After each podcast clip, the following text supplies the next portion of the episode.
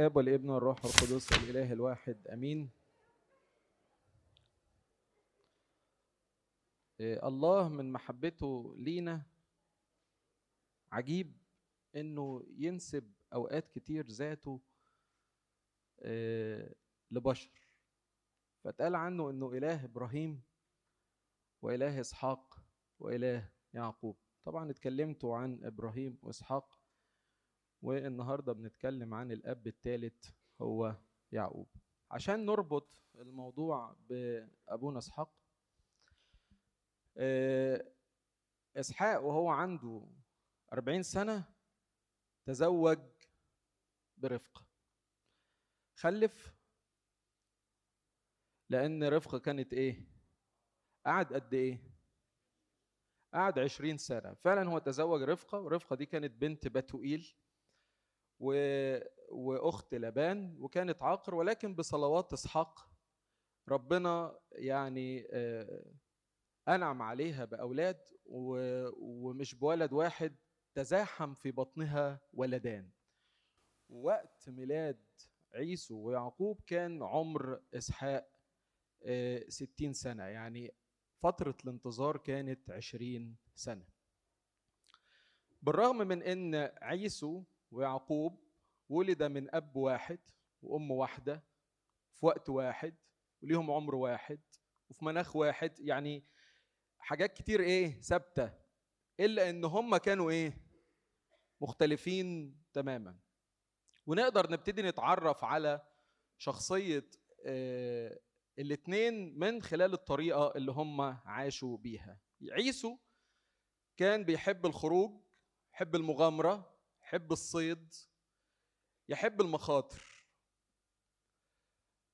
على عكس كده كان مين؟ كان يعقوب. كان مثال للرجل الاستقرار. هو بيحب كده الإيه؟ ال- القعدة في البيت. يعني إنجاز التعبير يعني يعقوب كان بيتوتي شوية. لكن عيسو كان إيه؟ بتاع آه، مغامرات و- ومخاطرة. آه، سمة تانية يعني ده بيبين الاختلاف بين الاثنين رغم ثبات حاجات كتير آه، ووجود حاجات كتير مشتركة آه، بينهم. الحاجة التانية عيسو كان ما بيقدرش قيمة الأشياء الغالية. كان دايما يجري ورا الرخيص. وما كانش عنده مشكلة إنه يشتري الرخيص بالغالي. يعني كان يدفع ثمنا آه، باهظا في حاجة ما تستاهلش في حاجة رخيصة جدا. وده بيرمز لإنسان بيزدري بالأمور الروحية وبيعتبر إن هي يعني ملهاش قيمة وممكن يستغنى عنها في سبيل متعة أو لذة شخصية. وعرفنا كده مش بس من طريقة حياة عيسو لا ده من كلام رسالة العبرانيين عن عيسو اللي اتقال فيها كده لئلا يكون أحدا زانيا أو مستبيحا كعيسو الذي لأكل أكلة واحدة باع. مش عارف أنتوا لو عشان العدس هتبيعوا حاجة يعني ما أعتقدش يعني الدنيا إيه مليانة عدس دلوقتي. آه يعني ده لي أرخص كمان من زمان. أما يعقوب بقى فكان العكس. كان يهوى ما هو ثمين. كان بيقدر قيمة الحاجة الغالية. وكان مستعد علشان يحصل عليها يدفع أي ثمن أو يعمل أي حاجة. يعني كان بيجري عليها بكل الطرق. والعلاقة بين الاثنين بقى آه، بقى في إشارتين بيدلونا على إن العلاقة بين الأخين التوأم دي هيبقى شكلها إيه. أول حاجة النبوة اللي اتقالت عنهم قبل ما يتولدوا. وده كان كلام الرب لأمهم رفقة. ربنا قال لرفقة كده من بطنك يخرج تخرج أمتان ومن أحشائك يخرج شعبان. شعب يقوى على شعب وكبير يستعبد لصغير. يبقى في النبوة دي فيها إيه؟ إن واحد هيبقى خدام عند التاني. واحد هيبقى قوي على التاني. بالإضافة لكده الطريقة اللي هم اتولدوا بيها ودي مذكورة في سفر التكوين إصحاح 25 إنه يعقوب اتولد وهو ماسك في عقب مين؟ وكأنه هو إيه بقى ده هيعيشوا كده دايما ده يتعقب ده دايما ده يلاحق ده دايما ده يطارد ده فمن البدايات آه، المبكرة جدا كان في شواهد بوجود عداوة وصراع سينشأ بين التوأمين عيسو ويعقوب غريبة شوية إن أم تبقى حامل في اتنين والاتنين دول هيطلعوا إيه؟ أعداء. يعني الاتنين في بطن واحدة بس الاتنين دول هيطلعوا يعني بينهم صراع رهيب جدا آه، طول حياتهم. هنلقي الضوء آه، شوية على الجزء ده اللي اتذكر في تكوين 25 ونشوف العلامة أوريجينوس قال إيه عن الآية دي في بطنك أمتان ومن أحشائك يفترق شعبان شعب يقوى على شعب وكبير يستعبد لصغير هو شاف إن رفقه مثال للإنسان اللي ممكن يحمل في نفسه الرذايل والفضايل في وقت واحد. الرذايل بيرمز إليها عيسو والفضائل بيرمز إليها يعقوب وهي حامل في الإيه؟ في الاثنين ولكن في حد فيهم هيكسب التاني في حد فيهم هينتصر على التاني في حد فيهم هي هي هيقوى على الآخر. مين اللي بقى أقوى؟ يعقوب اللي بيمثل الفضيلة. وقدر يسيطر ويستعبد الرذيله ده كان تفسير العلامة أوريجينوس للموضوع. نقرأ بقى كده هو قال إيه؟ العلامة أوريجينوس بيقول إيه؟ بيقول أعتقد أنه يمكن القول بأنه داخل كل واحد منا أمتان وشعبان. لأنه إن كان شعب الفضيلة يوجد فينا يوجد أيضا شعب الرذيله يعني فينا شعب شرير وفينا شعب آخر مولود من الروح. ولكن الأصغر هو شعب المولود من الروح ولكنه أصغر في حين أن الشعب الأول أكبر. بيتكلم عن شعب الرذيلة إنه أكبر. ويقول كده إيه؟ لأن الأشرار دائما أكثر من الصالحين والرذائل أكثر فينا من الفضائل. لكننا إن كنا نشبه رفقة ومستحقين أن نحمل من إسحاق. وهنا بقى شاور على إسحاق على إنه كلمة الله. وبتزاوج إسحاق الذي يرمز إلى كلمة الله.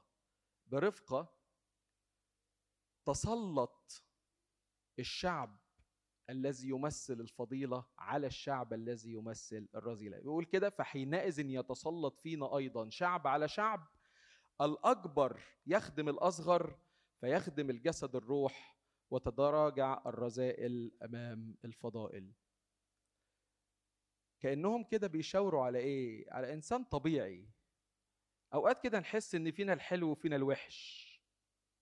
فينا حاجات جميلة ومعاها في نفس الوقت حاجات إيه؟ لكن إيه اللي هيخلي القوي فينا؟ هو الفضيلة. هي كلمة الله. كلمة الله هي اللي هتخلي الكبير الرذايل وإن كانت ضخمة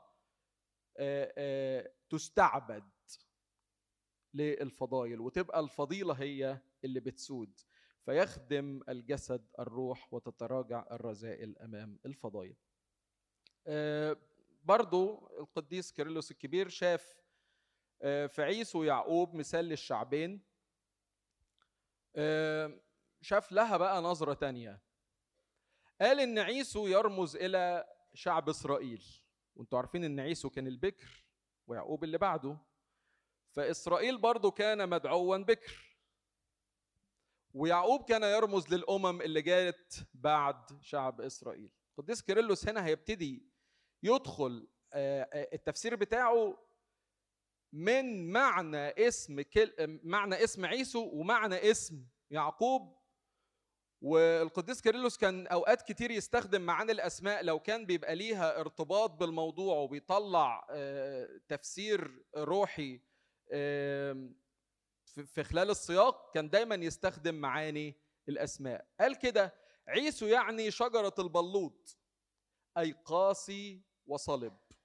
واتقال كده عن شعب إسرائيل أنك قاسي وعضل من حديد عنقك وجبهتك من نحاس. أما اسم يعقوب فيعني الإزميل. عارفين الإزميل هو إيه؟ اللي هو آلة كده يبتدي يمهد بيها ويصلح بيها حجر أو خشب ملوش شكل بيهز بشكل ملوش شكل. ويعني أيضا قاطع الأحجار أو الفنان الحاذق وليه معنى تاني الذي يعرف أن ينتصر. يكمل القديس كيرلس ويقول لأنه يضرب بإزميله على الحجر فينتصر عليه والذي ينتصر ليس الشعب الذي يتبع الناموس بل الذي يتبع المسيح. قال ان عيسو ده قاسي ويرمز لشعب إسرائيل. أما يعقوب فده الحاذق الفنان قاطع الأحجار اللي ممكن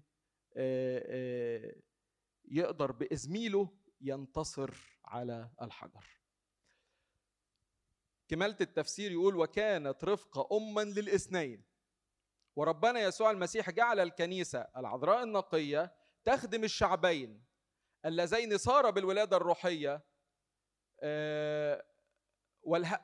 والهدف من مجيئه أن يجعل الاثنين في نفسه إنسانا واحدا جديدا صانعا سلاما. يعني الكنيسة بقت أم للاثنين زي ما كانت رفقة أم الاثنين. ومن أهداف مجيء المسيح إنه يجعل الاثنين إنسان واحد إيه؟ إنسان واحد جديد. دي كانت لقطة كده ليعقوب وعيسو في إن في نبوة بولادتهم وميلادهم ودي كانت في تكوين 25 يجي بقى تكوين 27 يبتدي يتكلم عن مباركة إسحاق ليعقوب.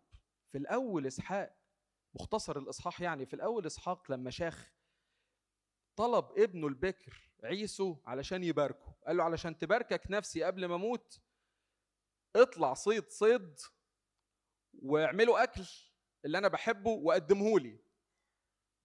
مين كان سامع الحوار؟ رفقة كانت سامعة الحوار. فراحت نقلت الحوار لمين؟ ليعقوب. قالت له بص بقى عيسو خرج يصيد هات أنت إيه؟ هات أنت جديين رخصين وأنا هعملهم لك أكلة ما حصلتش تروح تقدمهم لمين؟ لإسحاق فيروح مباركك أنت بدل ما بيبارك مين؟ بدل ما بيبارك عيسو. يعقوب خايف. قال لها بس في فرق بيني وبين عيسو. عيسو أشعر وأنا أملس. فلئلا يجسني أبي ويعرف إن يعقوب. فأجلب على نفسي اللعنة للبركة. قالت له بسيطة نحلها لك.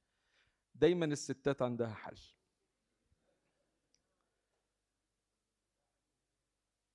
فراحت جايبة ملابس عيسو لبستها له. طب ماشي الملابس مقدور عليها. طب والشعر هتعملي فيه إيه؟ هتطلعي له شعر؟ هطلع لك شعر. جبار. فراحت مغطية دراعاته وعنقه بإيه؟ بجلود الماعز. وبقى لو اتلمس هيبقى زيه زي إيه؟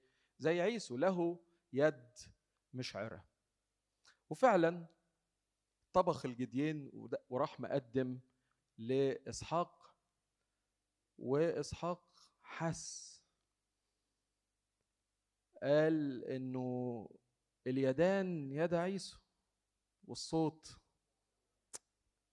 بس ما إيه ما دقش. وبارك. وبعد ما بارك عيسو يرجع يقول له يا أبي باركني. يقول له خلاص أنا باركت إيه؟ باركت أخوك. طبعا عيسو ساعتها رفع صوته بالبكاء ولم يجد بركة. نطلع بقى شوية مشاهد من دي. في كتابات الآباء فسروها إزاي. قديس كيرلس الكبير بيتكلم عن إسرائيل الابن البكر يرمز إلى عيسو دي قلناها من شوية ويعقوب يرمز إلى الأمم. وانتوا عارفين إن الله دعا مين علشان ينفذ الوصايا؟ يا ترى دعا مين الأول؟ دعا عيسو ولا دعا بني إسرائيل ولا دعا الأمم؟ الله دعا بني إسرائيل. هنا شافها القديس كيرلس بيقول إيه؟ لقد اشتهى إسحاق أن يقدم له عيسو صيدا. وبالمثل أمر أمر الله الشعب الإسرائيلي أن يفعل وصايا الله. ووعد الشعب الله أن يطبقها. فحينما كان الشعب مجتمعا في حريب وظهر له الله بشكل نار فوق جبل سيناء قال الشعب كل ما تكلم به الرب نفعل. وده اللي حصل على فكرة. هو قال لعيسو تعالى عايز أباركك روح صيد. قال له حاضر. بالرغم أن الشعب قد وعد الرب بالفعل إلا إنه أخذ في التراخي وأهمل اهمالا شديدا في العمل. يعقوب بقى يرمز إلى الأمم الشعب الجديد الذي دخل إلى الإيمان. سبق عيسو. خلى عيسو بيصيد وجاب وراح إيه خد مكانه كده عند إسحاق. وقدم اللي كان مفروض إسحاق عيسو إيه يقدمه. طب هو إسحاق كان عايز إيه؟ إذا كان إسحاق بيرمز إلى الله ودعا الإبن البكر لكي ما يعطيه طعاما لكي تباركه نفسه. وجه واحد تاني هو اللي قدم. إيه طعام إسحاق؟ إيه طعام الله؟ قالها المسيح لما كان كلام يوحنا الحبيب في إنجيله إصحاح أربعة على المرأة السامرية قال طعامي أه أن أعمل مشيئة الذي أرسلني وأتمم عمله. فاسحاق إذا كان بيرمز إلى الله فطعامه إن واحد يكون بإيه؟ بيسمع كلامه بينفذ مشيئته بيطيعه. يعقوب هو اللي أطاع. كان هنا رمز للشعب الذي أطاع. وعيسو كان للرمز للشعب الذي عصى وده هو اللي سبق ده. يقول كده لقد سبق وأعطى الوعد لبني إسرائيل لكنه لم يتحقق فيهم. لكن الرب أنصف الأمم الذين لما عرفوه وكرموه بكل استعداد وطاعة. وطبعا كلنا عارفين على مدى تاريخ شعب بني إسرائيل قد إيه هو كان معاند لإرادة الله ولوصايا الله والأمم لما قبلوه قدموا الطاعة والخضوع. وهنا بيربط القديس كيرلس ما بين الحدث ده وما بين المثل اللي قاله القديس متى في, في انجيله إصحاح 21 عن مثل الإبنين. أب قال لي عنده إبنين. قال للأكبر افعل. قال له حاضر ولم يفعل. والأصغر قال له مش هعمل. لكن في الآخر إيه؟ نفس الفكرة بتاعت عيسو و يعقوب والقديس كيرلس هنا بيربط لنا الجديد الجديد بالقديم من خلال مثل الابنين. الحيلة اللي عملها يعقوب وارتدى ملابس عيسو وجلود الخرفان على يديه علشان يقتنص البركة. الآية دي طبعا كلنا حافظينها. وتأملات الآباء فيها رائعة جدا جدا جدا. الصوت صوت يعقوب واليدان يد عيسو. القديس كيرلس الكبير يشرح ويقول إيه بقى؟ المؤمنون بالمسيح هم الذين يطبقون الناموس روحيا. طب هو الناموس ده إيه؟ مش الناموس ده قديم؟ لكن تطبيقه بشكل جديد هم دول المؤمنين. وكأن الشكل الخارجي هو شكل عيسو اللي بيرمز للقديم والصوت هو صوت مين؟ هو صوت يعقوب. أوضح أكتر قبل ما نقرأ القول بتاع القديس. يعني مثلا لو جينا نبص على الكتاب المقدس اللي في إيدينا عهد جديد وعهد قديم، العهد القديم ده بتاع مين؟ بتاع اليهود. طب المسيحيين ينفع يبقى العهد القديم ده برضه كتب مقدسة بالنسبة لهم؟ في الحقيقة أيوه. وإن كان اليدان هما يدا عيسو يعني الشكل اللي من بره بتاع العهد القديم كأنه مش بتاعنا كأنه بتاع اليهود. لكن الصوت اللي بيتكلم فيه هو صوت مين؟ هو صوت يعقوب. تاني. المسيح شخصيا. من حيث هيئته كإنسان جنسيته كإنسان. كان إيه؟ كان يهودي. وكان معروف مين أبوه ومين أمه. وكان معروف نسبه. فمن ناحية الشكل الخارجي يهودي. إنسان عادي يهودي. لكن الصوت صوت مين؟ الصوت هو صوت الله. فاليدان يد عيسو. ولكن الصوت صوت يعقوب. نبص بقى هتلاقوا بقى القصة دي متكررة كتير. الفصح. ما ممكن ناس تقول لنا أنتوا مسيحيين بتعيدوا بعيد اسمه الفصح. أصل الفصح بتاعنا فصح إيه؟ فصح جديد. وإن كان في الشكل له يدان عيسو ولكن الصوت هو صوت يعقوب. الفصح القديم كان خروف. ليه ملمس عيسو المشعر. ولكن الصوت في الجديد الفصح الجديد هو المسيح فصحنا الذي ذبح لأجلنا. نقرأ القول بقى بتاع القديس. يقول الذين آمنوا بالمسيح يطبقون الناموس روحيا وذهنيا وهم يمارسون الخدمة المقدسة مقدمين ذواتهم لله الآب كرائحة زكية. فالمسيحيون طبقوا الناموس قابلين الختان بس مش ختان الجسد. ختان إيه؟ بقى عند اليهود ختان جسدي. ما ينفعوش في حاجة لكن عند المسيحي. حاجة اسمها ختان برضه الشكل شكل عيسو. ولكن هو ختان القلب بالروح. فبقى فيه طقس يشبه طقس الختان في ال في ال في الشكل الخارجي في الاسم الخارجي لكن المفعول والاثر بتاعه أثر روحي. يذهبون إلى يوم الراحة الحقيقي ويعيدون في اسم المسيح. وكون أن يعقوب كان لديه يدي عيسو لكن صوته مختلف عنه فهذا يشير إلى إننا لم نستخدم ثرثرة اليهود وغير معتدين على رفض الرب الذي اشترانا حتى نتفوه عليه بكلام سيء بل بالحري نحن نمجد الابن مع الله الآب وندعوه ربا ومخلصا وفاديا.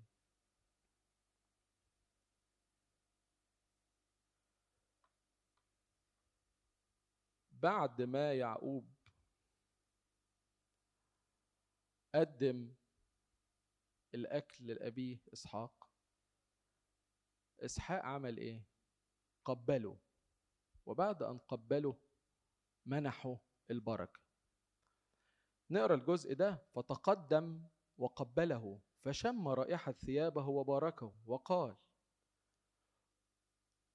انظر رائحة اب انظر رائحة ابني كرائحة حقل قد باركه الرب فليعطيك الله من ندى السماء ومن دسم الأرض وكثرة حنطة وخمر.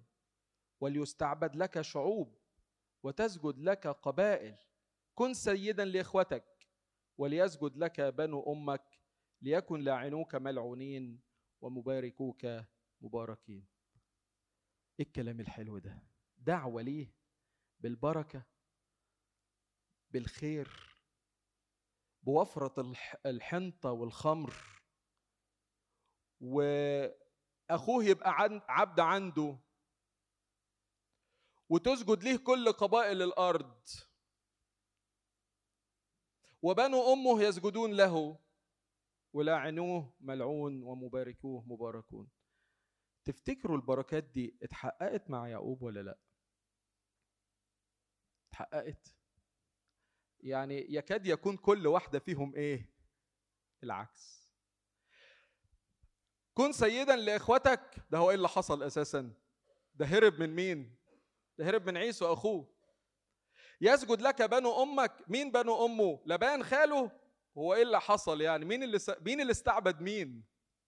ده لبان خلى يعقوب يخدمه عشرين سنة. عبد يعني. طب هو كان عنده حنطة وخمر وفير؟ ولو كان عنده حنطة وخمر وفير ليه أيام المجاعة ينزلوا مصر علشان يوفروا حنطة؟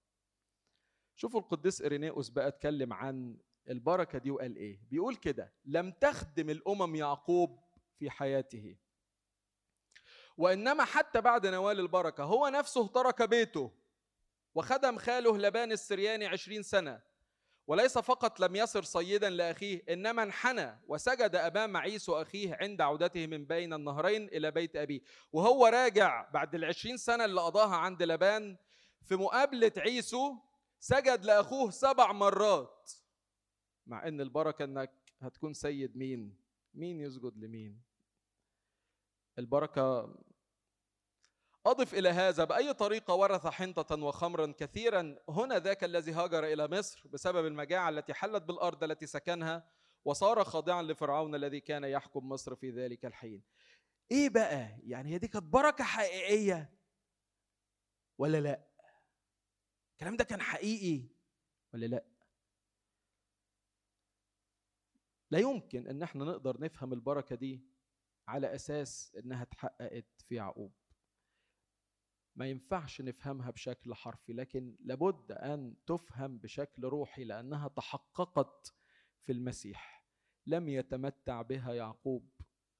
ولكن لو جينا بقى نطبق الكلام ده على المسيح هنلاقي الشعب المؤمن بالمسيح هو اللي عرف ياخد هذه البركة. أسأل سؤال. مين كان بيستحق البركة أكتر يعقوب ولا عيسو؟ عيسو؟ يعقوب. عيسو؟ يعقوب. حسب الناموس؟ عيسو. وفي الحقيقة الاثنين ما كانوش يستاهلوا. ما ما لا ده ولا ده. لا ده ولا ده. وبالاكثر كمان يعقوب لأن البركة للبكر وهو مش البكر. وحتى لما بقى بكر البكوريه دي إيه؟ ها؟ مسروقة. دي منصوب فيها. متاخدة برشوة يعني. فبحسب العادة مش البكر والبكوريه منهوبة. وملوش حق في حاجة. ليه يتبارك؟ ليه؟ هو إسحاق لما بارك يعقوب رجع في كلامه؟ ابدا. بالرغم إن يعقوب لم يكن مستحقا نهائيا لهذه البركة ولكن هذه البركة نعمة. والنعمة مش قصة استحقاق بقى. لو لو لو في استحقاق للنعمة النعمة مش هتبقى نعمة النعمة هتبقى إيه؟ هتبقى أجرة. هتبقى دفع لحاجة.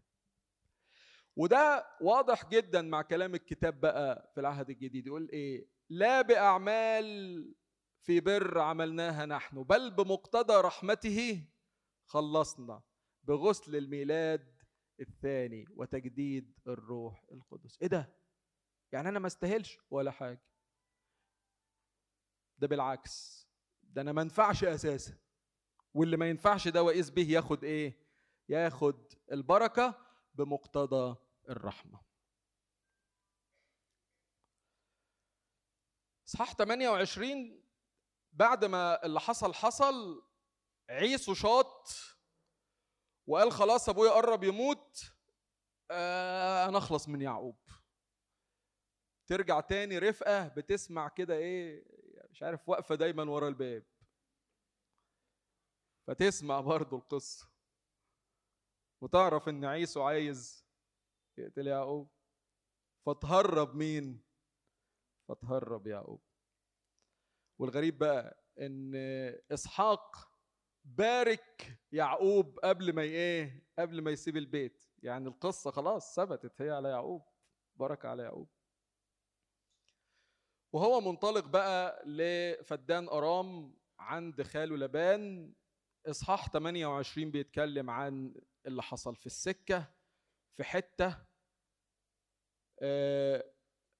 الليل ليل عليه نام وإذ بي يرى رؤية سلم منصوبة رأسها في السماء والملائكة صاعدة ونازلة عليها ويسمع كلام جميل أحفظك حيثما تذهب أكون معك إيه ده؟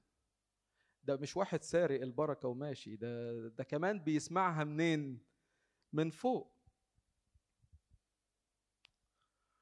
ويحط راسه على حجر وينام وبعد ما يصحى يصحى مبسوط ويروح ناصب الحجر ويصب عليه زيت ويدشن المكان ويقول إن ده بقى بيت الله بيت إيل ويقول آية كلنا عارفينها ما أرهب هذا المكان ما هذا إلا باب السماء هذا هو بيت الله.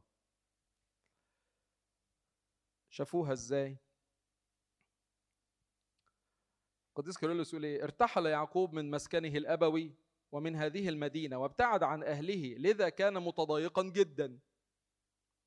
لأنه فكر في أنه سيكون غريبا ونزيلا وسوف يسكن في بلد غريبة وربما سيأخذه اناس آخرون وسيعاني عبودية ثقيلة. اسمعوا اللي جاية دي. لكن الله لم يترك نفس البار تتعذب بمثل هذه الأحزان الثقيلة. إيه يا كرولوس الكبير؟ أنت شايفه إزاي بار؟ فأظهر له حشد من الملائكة ينزلون ويصعدون من على السلم. هذا الحشد ينقذ بسهولة هؤلاء الذين هم واثقون في الله وحقا هذا ما تعلمه يعقوب من الحلم. حتى لو أنا رايح مكان ما أناش عارف هو فين لكن الراجل ده كان عنده ثقة كبيرة قوي في ربنا. وعلى فكرة بقى هو ده اختلاف يعقوب عن عيسو أساسا.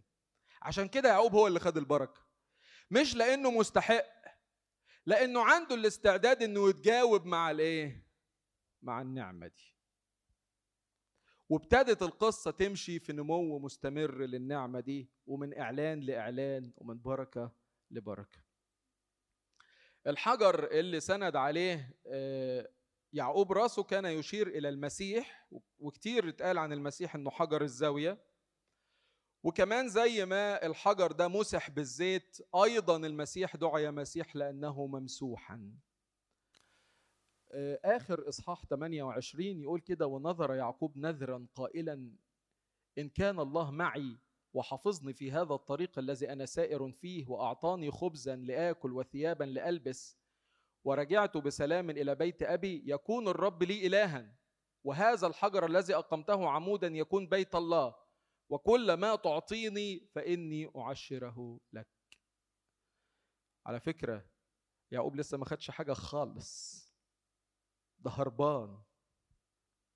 هربان وبينظر. هربان وبيوعد إنه يدي ربنا على عطايا ربنا لسه ما عطاهالوش. قديس يوحنا ذهبي الفم يقول إيه؟ يعقوب لم يلتمس لا ثروة ولا غنى بل خبزا وثوبا. هو ده كل اللي طلبه. خبز لحاجته إلى الغذاء وثوب لستر جسده. تأمل وفاء الصديق. وكيف أنه لما طلب لم يطلب شيئا طائلا بل خبزا وثوبا. وشاهد أيضا هذه النفس المحبة لله وكيف قدم لله تقدمة العشر قبل أن يناله. ده وعد ربنا إنه هيديله العشر قبل ما ياخد حاجة يعني. ده ده طلع فقير. طلع باللي عليه من الآخر يعني. أنا مش عارف يعقوب ده كان بيفكر إزاي. طب كان ممكن يقول لنفسه هو بركة إسحاق دي حقيقية. هو ربنا ده موجود. مش كان شال عيسو من وشي وخلصنا. ليه أهرب؟ ليه أروح لأرض أنا مش عارف هبقى فيها إيه؟ ولكن هو ده بقى قلب يعقوب اللي خلاه يقبل البركة. هو اللي خلاه لما ياخد نعمة حتى وهي مش من حقه تشتغل جواه وتبتدي تثمر. آه، العقيدة بتاعتنا دلوقتي هي عقيدة النعمة الإلهية. زي ما بنتكلم من الأول كده آه، آه، الحاجة اللي أنا ما استاهلهاش. فلما نيجي نتكلم عن النعمة الإلهية إن البركة لم يأخذها يعقوب لأنه مستحق لها ولم يفقدها عيسو لأنه غير مستحق لها. الاثنين كانوا الفرق كان في التجاوب آه، بتاعهم مع النعمة. النعمة عطايا إلهية لا تعطى للإنسان بسبب استحقاقه ولكنها تمنح للجميع من باب محبة الله وصلاحه. عارفين ليه؟ أنتوا عارفين النعم إحنا أوقات بن بن بنقلل الموضوع قوي بنفكر مثلا يعني إيه؟ إن الصحة دي نعمة يعني. أو يعني النجاح في الحياة دي نعمة. لأن نعم أكتر من كده بكتير. النعم الإلهية دي كبيرة قوي. النعمة دي فعلا محدش يستاهل. ولو كنت أستاهل كانت هتبقى أجرة زي ما قلنا قبل كده لكن لأنها مفيش عمل يتعمل من اجله تطعيط النعمة سميت النعمة نعمة. والاستعداد الداخلي للإنسان هو اللي بيحدد الطريقة اللي بيتجاوب بيها مع النعمة. هناك من يتجاوب معها وهناك من يرفضها.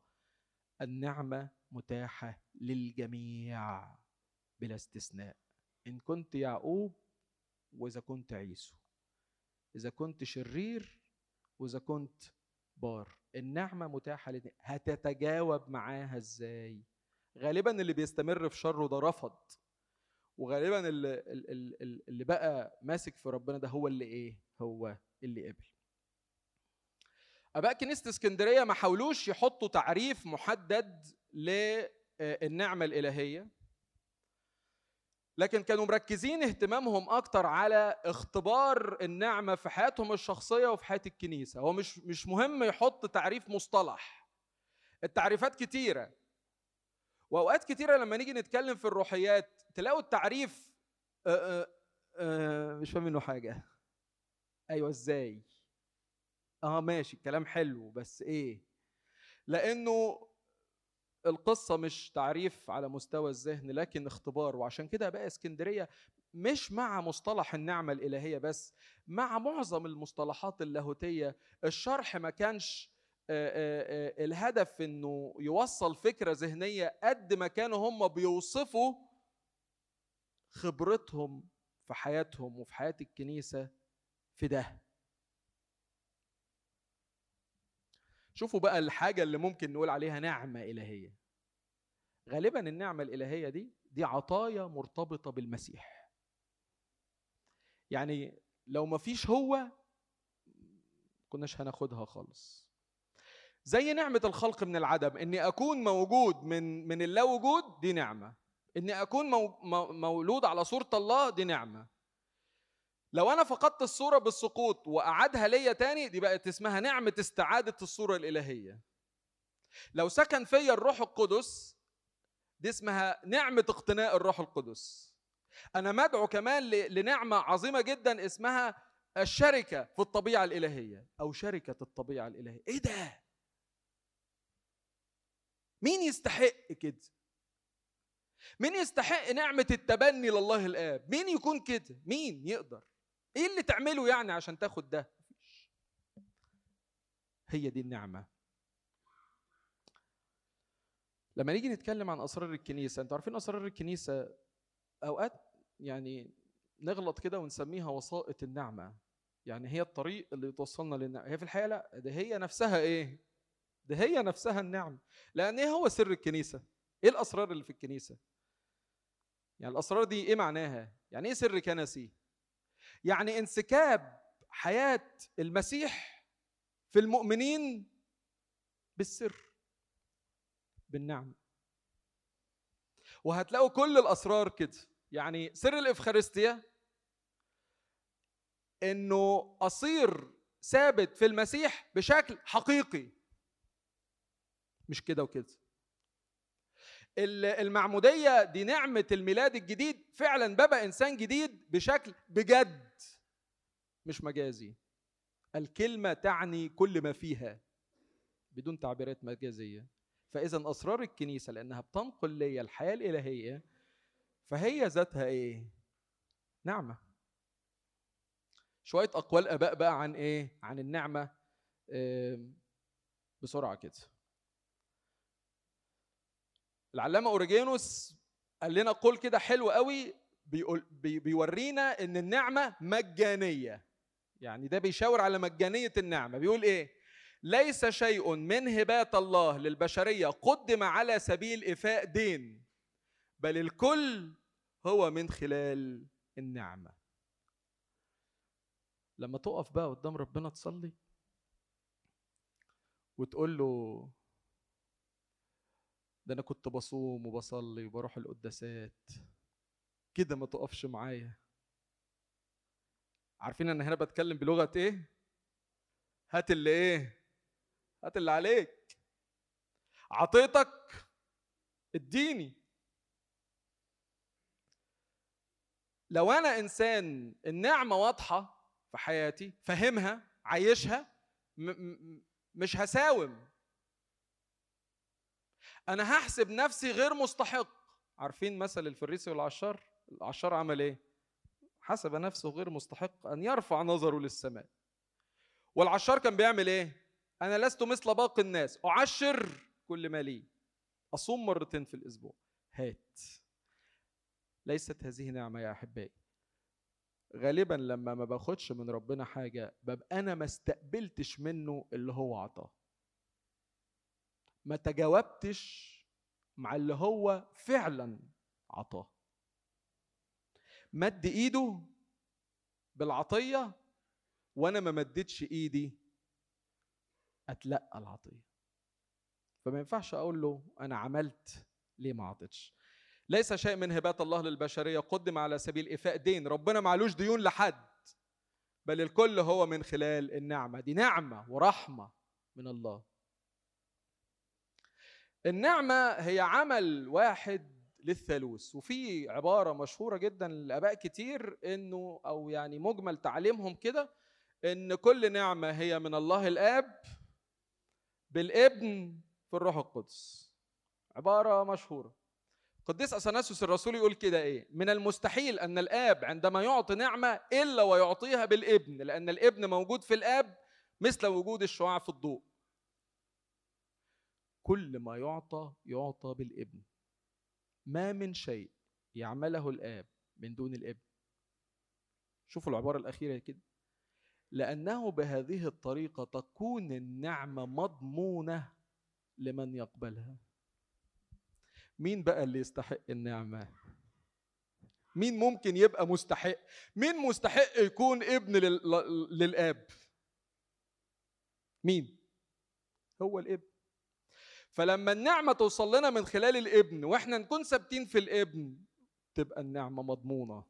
أنا مش باخدها لأني أنا اللي مستحق ليها أنا باخدها لأني ثابت في المستحق ليها. وطبعا الابن ما هواش في حاجة لأن يأخذ لأن الابن والآب متساويان في الجوهر. ولكن بحسب بشريته بقى في ناسوته هو بيتقبل من الآب العطايا الإلهية لأجله. لأن هو في نفس الوقت إله وفي نفس الوقت إيه؟ إنسان. يعني ده الإنسان الإلهي اللي ممكن أقدر أقول عليه إنه مستحق. فاوريجينوس كلمنا عن مجانية النعمة قديس أثناسيوس كلمنا عن نعمة واحدة من الآب بالابن في الروح القدس. النعمة دي في حياتي يعني حاجة كده مرة واحدة ولا إيه طبيعتها يعني؟ تستمر معايا إزاي؟ النعمة دي نعمة ديناميكية يعني في حركة نمو مستمره دائما في حالة حركة. مش الحالة ستاتيك كده أهو خد نعمة وخلصنا. لا النعمة إيه؟ في في حالة حركة ديناميكية دائما. قديس غريغوريوس النيسي بيتكلم كلام في منتهى الروعة عن الموضوع ده. يقول إيه؟ يقول في القول ده يعني قبل ما أبدأ فيه بيشبه المسيح بإنه طفل مولود فينا. وبيشبه المسيح بإنه عنقود على الكرمة. هو طفل اتولد في مزود آه طفل اتولد في مزود هو قال عن نفسه كرمة؟ آه قال عن نفسه كرمة. فشبه المسيح بطفل وبعنقود على الكرمة. وابتدى بقى يتكلم عن ديناميكية النعمة وحركة النعمة واستمرار نمو النعمة من المنطلق ده. يقول ينمو الطفل يسوع المولود بداخلنا بمختلف الطرق في الحكمة والقامة والنعمة. الكلام ده مش يتقال عن المسيح في صغره إنه كان الطفل يسوع ينمو في الحكمة والقامة والنعمة عند الله والناس. وكأن المسيح بقى اللي اتولد في قلبك انت بقى ده, ده حاجة تخصك انت حاجة شخصية جدا. كمان حياته شغالة فيك ينمو في الحكمة والقامة والنعمة في قلبك. يعني ممكن يتولد طفل صغير وبعد كده إيه؟ كده يكبر. يقول يسكن المسيح في كل قلب نقي ولكن بصورة مختلفة حسب قامة الإنسان الذي يسكن بداخله. يظهر ذاته حسب طاقة كل إنسان. طاقة كل إنسان دي برضه هي إيه؟ تجاوب الإنسان مع النعمة. شوفوا بقى ال- الكلام اللي جاي. يقول إيه؟ ممكن يأتي كطفل أو كصبي أو كإنسان ناضج على مثال العناقيد ويبتدي ينقل المثال على الكرمة. يقول يظهر المس... لا يظهر المسيح بنفس الصورة على الكرمة ولكنه يغير هيئته مع مرور الوقت. الآن تبرعم عارفين يعني إيه تبرعم يعني بقى إيه؟ برعم صغير. المسيح في حياتك قد إيه؟ ممكن يكون لسه إيه؟ برعم صغير. لقد نبت. نبت يعني البرعم ده ابتدى إيه؟ يظهر شوية كده. وبعد ما ينبت ثم نضج. وبعد ما ينضج ثم صار يانعا. طاب واستوى. العنقود لما يطيب بيعملوا فيه إيه؟ يقطفوه ويعصروه ويعملوه إيه؟ خمر. وكأن النعمة في حياتنا بقى إيه؟ من البرعم للنبتة للنبتة الناضجة للخمر. ممكن أبقى في مرحلة لسه المسيح فيها لم يصر فيا خمرا بعد. عشان كده أنا بتغذى على إيه؟ على دمه. الخمر اللي يفضل جوايا يكبر الايه؟ كبر العنقود كبر النعمة لغاية ما يصير هو كمان داخلي خمر. يقول كده وهكذا فإن الطاقة الفاجية يعني اللي بتخلي اللي بيحصل النمو ده يحصل تحمل وعدا بالخمر. يعني وإن كان المسيح في حياتي أنا لسه مش عاطيله فرصة. هو لسه جوايا طفل صغير نبتة صغيرة لكن قوة الحياة اللي فيه في النبتة دي هي اللي بتدي تديني رجاء وكأني موعود بإني هوصل هوصل لمرحلة الخمر. إنها ليست بعد خمرا لكنها تنبت نبتة الرجاء إنها تنتظر نعمة لم تأتي بعد. عشان كده النمو في النعمة ملوش حدود. آخر حاجة الارتباط الليتورجي آه يعني ثلاث أربع نقط صغننين خالص. المشهد اللي جه في تكوين 28 رؤيا يعقوب للسلم آه، اللي منكم بيصلي تسبيحة هيلاقيها في سطوكيه السبت. آه، وعلى فكرة في شهر كيهك القطعة دي بالذات من السطوكيه بيبقى لها لحن طويل شوية لأنها ليها علاقة جدا بالتجسد لأن السلم ده يرمز إلى المسيح. الذي هو الطريق الوحيد للآب الطريق الذي كرسه لنا حديثا حيا بالحجاب أي بجسده. فالسلم ده هو السكة للسماء هو المسيح. عشان كده بنقول في الثؤوتوكية شبهتي بالسلم الذي رآه يعقوب نتكلم على العذراء مرتفعا إلى السماء والرب المخوف عليه. اللي ورد في إصحاح 27 أحداث مباركة إسحاق ليعقوب جت في قراءات الصوم المقدس في الأسبوع الرابع. في قراءة من تكوين 27 جت في يوم الاثنين من الأسبوع الرابع. وتكوين 28 جت يوم الثلاث في الأسبوع يومين ورا بعض. الأسبوع الرابع في الصوم المقدس القراءات بتدور حوالين موضوع اسمه دستور جهادنا. إيه الدستور اللي إحنا ماشيين عليه في الجهاد؟ هو الإنجيل. ويوم الاثنين بيتكلم عن موضوع اسمه روح الإنجيل ويوم الثلاث بيتكلم عن موضوع الكرازه بالإنجيل لبنيان الكنيسة جسد المسيح. طيب إيه علاقة مباركة إسحاق ليعقوب بروح الإنجيل؟ يقول كده إيه؟ آه إن البركة الممنوحة لينا هي مواهب روحية كما بارك إسحاق يعقوب الذي يسعى لما هو روحي بدلا من عيسو الذي يهتم بالأكثر بما هو أرضي. يا ترى الإنجيل في حياتي روح وحياة ولا خناقات؟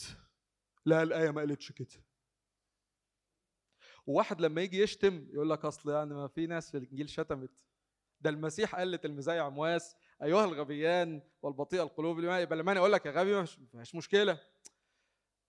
فين روح الإنجيل؟ فين الروحي؟ فين الروحي اللي أنا بسعى له؟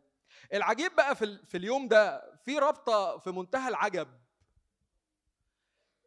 إن إنجيل القداس يعني النبوة اللي بتتقال في باكر بتتكلم عن مباركة إسحاق ليعقوب. هو يعقوب خد البركة إزاي؟ بحيلة بخدعة. وإنجيل القداس بيتكلم عن وكيل الظلم. طب وكيل الظلم عمل إيه؟ عشان. عشان. يلاقي أصدقاء برضه لقط الموضوع بإيه؟ بحيلة شوفوا الآية اللي, اللي في الإنجيل المشهورة فمدح السيد وكيل الظلم إذ بحكمة فعل وكأنه بيمتدح حكمة يعقوب في إنه اقتنص البركة شايفين الرابطة يعني الإنجيل فيه خدعة والنبوة فيها فيها خدعة آه،